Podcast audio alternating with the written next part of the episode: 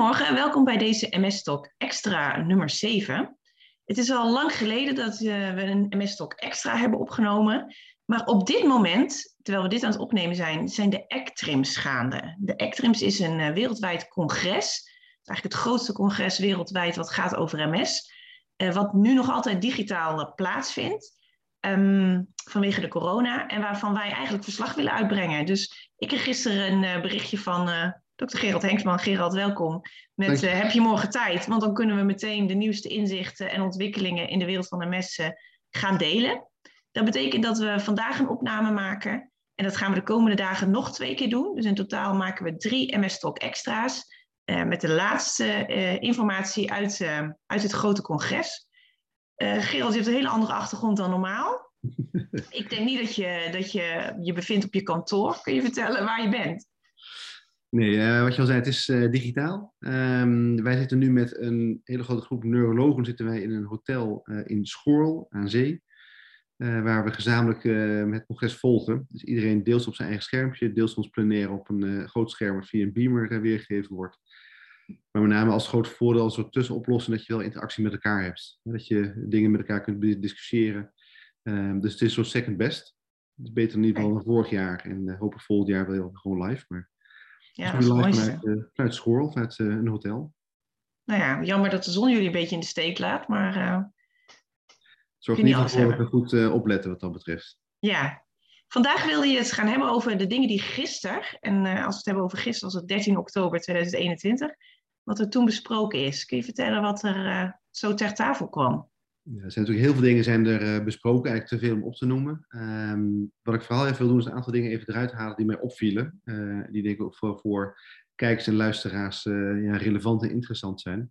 Um, een daarvan heeft te maken met de traditionele manier van behandelen. Daar hebben we het al vaker over gehad. Je hebt traditioneel, als het gaat over de behandeling van relapsing MS, heb je een soort indeling met eerste lijns therapie, tweede lijns therapie. En met het idee van de eerste lijn is ja, even een bepaalde mate van effectiviteit en is heel veilig. En op het moment dat het daar niet goed mee gaat, je krijgt toch weer een terugval ondanks de behandeling. Dan schaal je door naar de tweede lijn, wat effectiever is, maar misschien wat meer mitsen en maren en risico's uh, kent. Dat, dat, hele indeling tussen de eerste en tweede lijn is al een tijd geleden in um, onze hoofden als MS-neuroloog al verlaten. Uh, maar zit nog wel een beetje ingebakken in ons vergoedingssysteem. Maar je ziet toch nog steeds in de praktijk um, dat je heel vaak ziet dat zo'n step-up care, dus een eerste lijn en dan pas naar de tweede lijn, dus dat is, dat dat er nog steeds ja, de praktijk van iedere dag is ten opzichte van um, de andere strategie waarbij je in één keer krachtig gaat behandelen, zorg dat de ziekte rustig wordt en dan misschien met of geen therapie verder kunt of met een wat milde therapie verder kunt, uh, kunt gaan.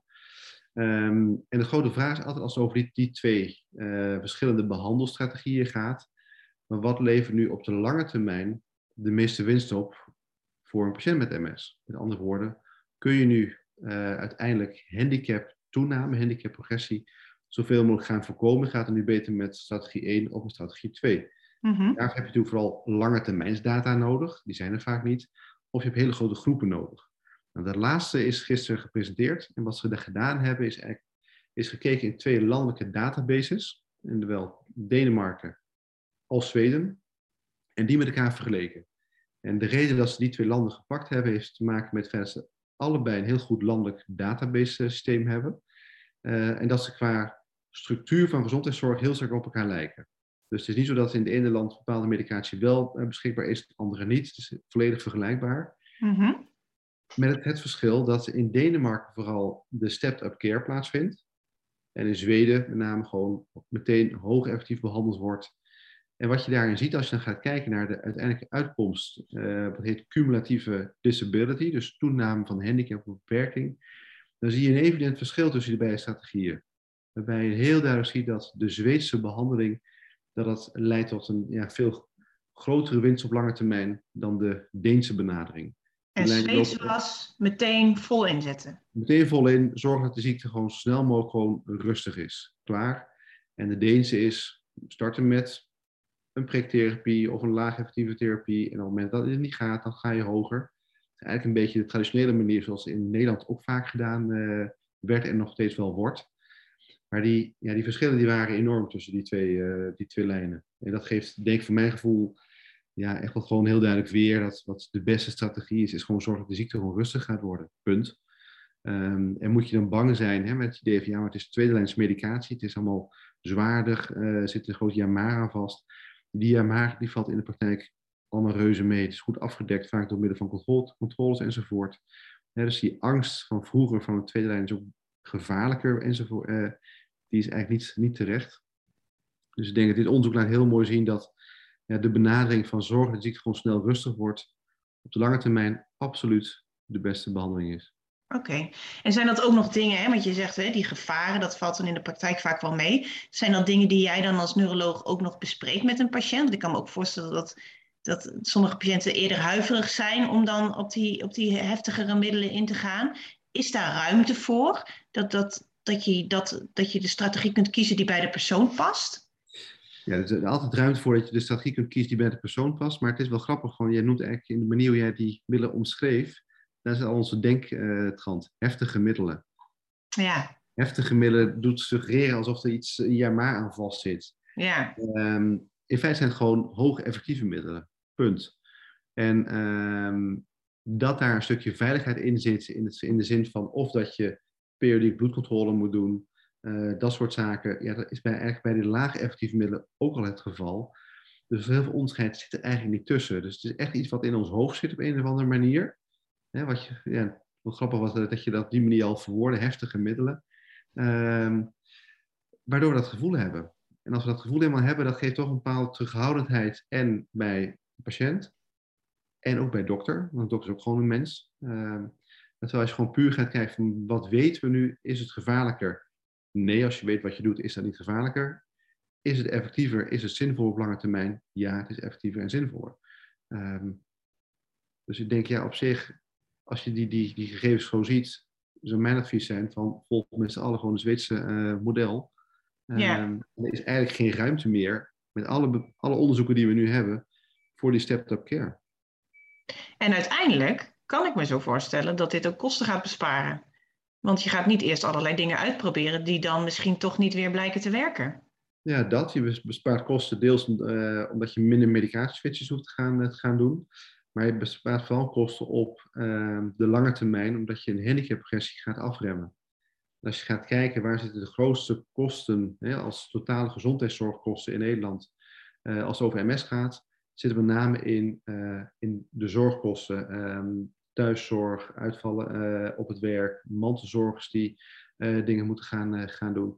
Um, er zit met name in de gevolgen van toename van beperking en handicap daar zit de grootste kostenpost. Niet in die medicatiestuk.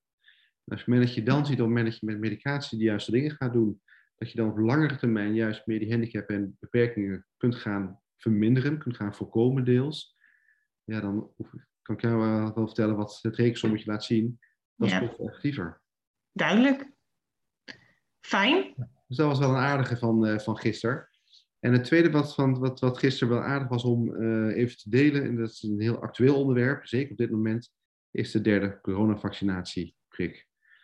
Um, want een deel van de mensen die nu kijken en luisteren hebben misschien al een uitnodiging gehad via hun, uh, hun zorgverlener. Uh, een deel nog niet, een ander deel gaat het moeilijk krijgen. want we hebben de vorige, een van de vorige keren al gehad over wat is nu verstandig ten aanzien van eventueel die derde prik. Nou, we weten dat mensen die een, um, een middel gebruiken zoals vingolimod, ciponimod, ozanimod of er waar mot achter staat, dat die iets mindere respons op hun vaccinaties uh, gehad hebben. Dus die groep wordt opgeroepen. En de tweede groep die opgeroepen wordt zijn mensen die een, wat heet een B-cell depletion hebben, als, zoals ook reluzimab of rituximab. Um, dus die groep krijgt nu allemaal een brief van een, een derde prik. Um, en datgene wat wel aardig is om te delen, is datgene wat je ziet nu in, uh, in onderzoek, is dat mensen die een motje gebruiken, pegolimot, polymot enzovoort, zo, hè, zo noemen we het in de wandelgangen, um, die hebben wel iets een respons. Meer dus dan mensen die een B-cel-depletionstherapie hebben. Mm -hmm. uh, en daarbij is het advies ook gewoon van prik gewoon zodra het kan, want je hebt wel iets een respons. En twee keer iets een respons en derde keer iets een respons is samen misschien wel hè, toch een, een redelijke bescherming. Um, maar datgene wat je vooral ziet is mensen met een B-cel therapie zoals ocrelizumab. Ehm, ja, daar is wel even een dingetje. Want die vaccinatierespons hangt af van B-cellen, hebben we het al eerder over gehad. Want B-cellen heb je nodig om antistoffen te kunnen gaan, uh, Ja. maken. En op het moment dat je ja, geen, geen B-cellen hebt, ja, dan kun je wel gaan prikken, maar er gebeurt niet zo heel veel. Dus dan is ook eigenlijk een beetje de vraag van op het moment dat je ocrelizumab gebruikt en je hebt zeg maar iets twee maanden geleden je laatste infuus gehad, moet je nu wel voor die derde prik gaan. Want die B-cellen zijn nog steeds nu weg. Ehm, wat je nu ziet in eh onderzoeken, heeft niks te maken met de derde prik, maar wel met de eerste en tweede, die natuurlijk overal in Europa al gedaan zijn, is dat je inderdaad ziet dat als mensen kort daarvoor hun ocrelizumab gehad hebben, ze eigenlijk geen respons laten zien. Maar op het moment dat ze langere tijd eh, geen ocrelizumab gehad hebben, zie je wel een respons ontstaan. Ehm, er was één studie waarbij je, eh, gekeken werd naar überhaupt de respons van een hele populatie van mensen die ocrelizumab gebruikten in een ziekenhuis. Ehm, en dan zag je bij een klein groepje zag je in één keer wel een respons. Maar er waren mensen die twaalf maanden geleden de laatste infuus hadden gehad. Oké, Die dan ook. Hè? Die waren vanwege corona of angst of wat dan ook, waren die infusie wat uitgesteld. En dat past ook wel heel sterk bij het gevoel wat je hebt als je dat infuus een tijdje uitstelt en wacht tot die B-cellen weer wat tevoorschijn gaan komen, dat je dan moet gaan, eh, gaan vaccineren. Dus de, eh, de dingen die gisteren besproken worden, die passen wel eigenlijk bij het advies. Eh, en er staat niet zo heel sterk in die uitnodigingsbrieven, om op het moment dat je ocrelizumab gebruikt, om dan eigenlijk even- in overleg te gaan met je behandelaar. Maar van wanneer is het nu zinvol voor mij om die derde prik te gaan, eh, te gaan doen? Want ja, dus het is niet zo, ik krijg een brief, ik bel naar de GGD, ik plan mijn vaccinatie in. Nee, je krijgt je brief, je pakt je telefoon en je belt eventjes naar je neuroloog om te bespreken. Dat zou in ieder geval mijn advies zijn. Hè? Want op het moment dat je gewoon meteen naar de GGD gaat en die prik laat doen, ja, die, en je hebt geen B-cel, dan heeft die prik nog steeds niet zo heel veel zin. Nee, Dus dan kun je beter gaan wachten tot, je, eh, tot die B-cellen langzaam weer tevoorschijn gaan komen. Wat je daarbij ook ziet in al die onderzoeken, is op het moment dat je dat gaat doen, dat je niet bang hoeft te zijn dat die MS in één keer uit de pan vliegt. En daar zit je natuurlijk bang voor. Van, ja, maar ik stel een behandeling uit. Hè, wordt mijn ziekte niet, niet eh, onrustig? Het antwoord is nee, daar hoef je dus niet bang voor te zijn. Dus dat vond ik op zich wel een aardige ja, bevestiging van gedachten die we al langer hebben. Ehm, en die eigenlijk wel het beleid ja, ondersteunt, zo- zoals die niet standaard in die brieven verwoord is. Nou, bij ocrelizumab ja, ga in overleg met je behandelaar. ja, dus er wordt hier even wat autonomie gevraagd van de mensen om wie het gaat. eh, Ja. Heel duidelijk. Ja. Waren er nog meer opvallende dingen? Er waren twee dingen die ik op zich wel eh, aardig vond om eventjes eh, te noemen en te delen. Dat gaat even niet over medicatie en uh, althans niet over ziekteremmende medicatie. Dat is natuurlijk vaak het, hoofdthema waar heel veel dingen over gezegd wordt. Maar er waren twee kleine dingen die wel, uh, eigenlijk drie, die wel grappig waren als het gaat over het behandelen van klachten bij MS. En dat is bij ECTRIMS is dat een beetje vaak een onderschoven kindje. Het gaat vaak over de ziekte en over de zieke. Um, maar er was één onderzoek um, dat ging over slaap. Uh, je ziet dat slaapstoornissen vaak voorkomen bij mensen met MS, om allerlei verschillende redenen. En er werd gekeken van, doet nu melatonine daar iets op? Mm -hmm. En melatonine kun je ja, gewoon via de drogist gaan verkrijgen. Um, en het antwoord is, ja, dat oh. werkt. Um, niet in één keer dramatisch, dat mensen in één keer uren beter gaan slapen of wat dan ook. Maar je ziet wel een significant toename van de slaaptijd. En je ziet ook een betere slaapkwaliteit ontstaan. Dus dat was op zich wel een aardige, terwijl het een hele simpele behandeling is. Um, het andere wat ook een beetje slaapgerelateerd is, was een onderzoek dat ging over restless legs. Dat is een heel vervelend gevoel in je benen, waardoor je moet gaan bewegen. En dat komt vaker voor bij mensen met MS. En heel veel mensen met restless legs hebben ook, een slaapstoornis. Um, en het aardige van het onderzoek, er werd gekeken van, zie je nu een verschil tussen gewoon de normale behandeling van, uh, van restless legs bij MS, ten opzichte van een interactieve game waarbij mensen iets met hun benen moesten gaan doen. Dus gewoon okay. een videospel, als het ware. En dan moesten ze twee keer per, uh, per week doen. En dat was gewoon leuk. Mensen vonden dat uh, wel grappig om te gaan doen. En vervolgens zag je, als je die groepen ging vergelijken, ging kijken naar uh, de, de hinder van hun legs en slaapkwaliteit, is dat de gamers het beter gingen doen. Wat grappig. Dus een, een, gewoon een, een bepaald soort spel, een soort, zeg maar, een soort, soort Xbox-achtig spel, uh, wat je kunt doen, een soort Wii-achtig spel, maar dan vooral op je benen gericht. Dat is een duidelijk een effect op restless legs klachten en daardoor op slaap bij mensen met MS. En dat zijn natuurlijk wel op zich wel grappige dingen die uh, A, goedkoop zijn, uh, B, geen bijwerking kennen. Nee. Uh, En op zich ook niet zo heel erg raar vaak als je erover over nadenkt. Terwijl het iets is wat vanuit de reguliere zorg heel moeilijk die stap kunnen gaan maken. er zijn uh, op andere extremes ook wel eens uh, uh, verhalen geweest over het effect van bijvoorbeeld een B-balance board en dat soort, dat soort dingen. Um, en dan zie je een duidelijk effect op balans. Dan zie je een effect op lopen. Is gewoon meetbaar. Is gewoon significant beter dan mensen die dat niet zouden gaan doen.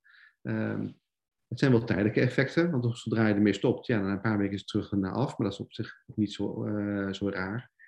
En op zich is het ook niet zo heel erg gek dat dat soort systemen werken, um, want je oefent gewoon het zenuwstelsel. Heel simpel, het is in feite gewoon intensieve therapie.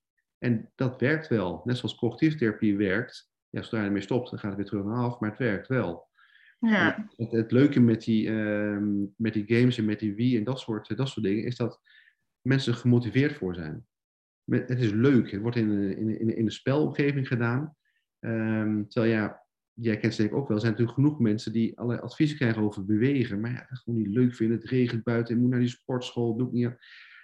Maar op het moment dat je het, hetzelfde gaat doen, gewoon puur neurologisch met het simuleren van het systeem, in een omgeving die gewoon fun is voor mensen, ja. dan wordt het anders. Hè? Dus dat, uh, en toch lukt het op een of andere manier niet om die dingen die uit wetenschap dan naar voren komt, en er zijn natuurlijk altijd kleine onderzoeken die gedaan zijn, om dat te gaan vertalen naar de routine uh, praktijk. Dus dat vind ik ja, dat vroeg me dus af. Hoe groot is nou de kans dat dit, hè, dit, dit wat ze gebruikt hebben tijdens dit onderzoek, dat straks ook daadwerkelijk beschikbaar komt voor ons als patiënten?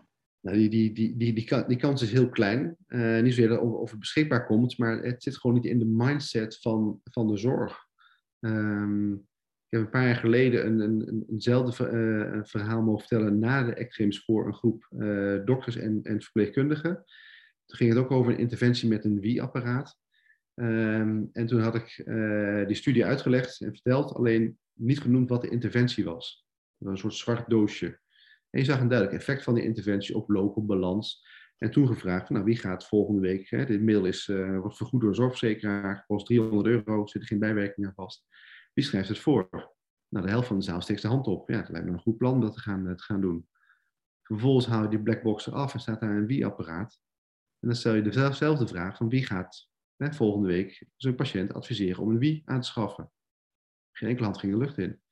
Dus er zit zo in ons systeem van denken weer. Van, uh, dus voor mezelf heb ik nu eigenlijk wel, uh, ik heb mezelf beloofd om te gaan kijken of we dit gewoon in de dagelijkse praktijk kunnen gaan toepassen. Gewoon doen wat we weten wat gewoon zinvol is. Dat, uh... Ik heb hier een staan, hè? Een wie en een balance Ja. Juist omdat ik op een gegeven moment ergens las dat dat uh, positieve effect had. En inderdaad, het is gewoon ook echt heel leuk.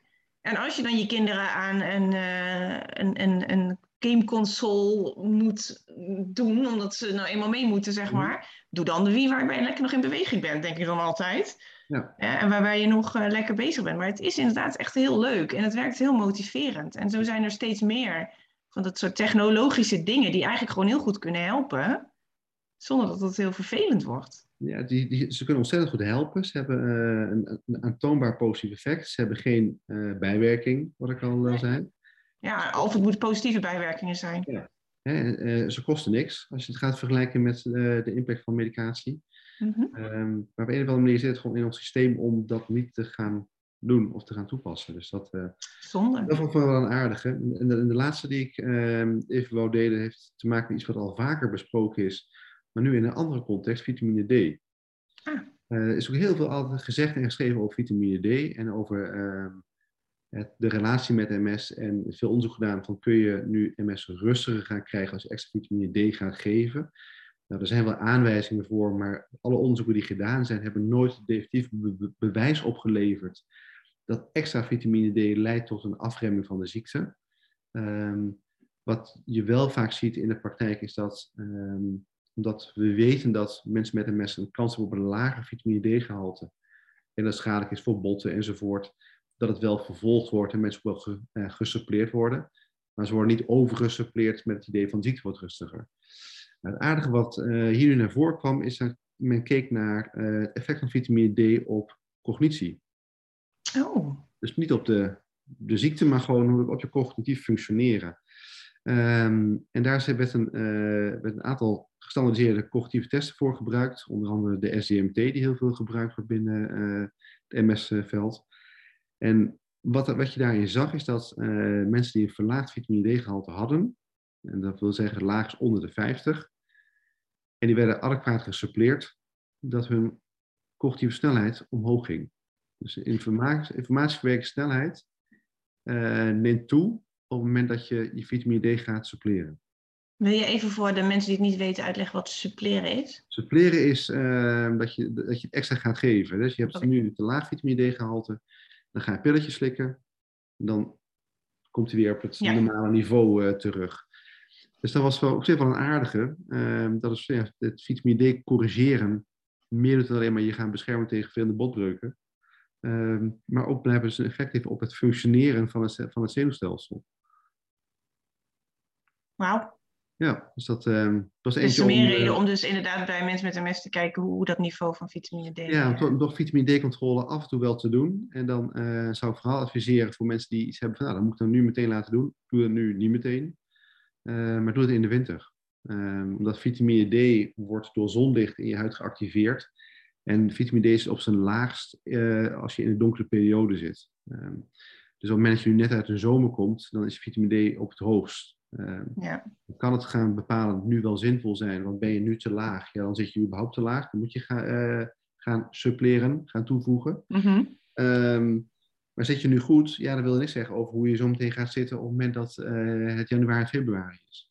Ja. Dus als je nu goed zit, dan is het wel verstandig om in ja, januari, februari opnieuw te gaan bepalen van waar zit je nu ergens. En dan moet je in ieder geval boven de 50 zitten. Uh, althans, als je naar dit onderzoek uh, ging kijken. Oké. Okay. Mooi. Ja. Ik ben benieuwd wat je vandaag allemaal weer te horen krijgt. Ik ook, ja. Nee, maar dat, um, dus er waren wel een aantal uh, ja, leuke dingen die zo uh, de revue gingen gepasseerd zijn. Ja. morgen zal ongetwijfeld weer van alles te vertellen zijn. Ehm, en dan met name denken over de ontwikkeling van ja, toch een hele nieuwe groep aan medicijnen die uh, eraan komt. Oké, okay. dus dat, dat weet je al. Is niet helemaal een verrassing. Uh. Ja, nee, de, de inhoud is nog wel een klein beetje een verrassing, maar kijken waar nu de, de status is van het hele verhaal. Um, en, um, maar dat is denk ik wel iets om uh, ja, morgen toch even te gaan, het gaan delen, want dat is echt wel een verandering die, die aanstaande is. Oké, okay. ik ben heel benieuwd. Dankjewel voor deze informatie. En um, ik ga zorgen dat hij zo snel mogelijk online komt, zowel weer als video als als podcast. Bedankt voor je tijd en dan uh, zien we elkaar morgen weer. Helemaal goed. Tot dan. Tot morgen. Ah.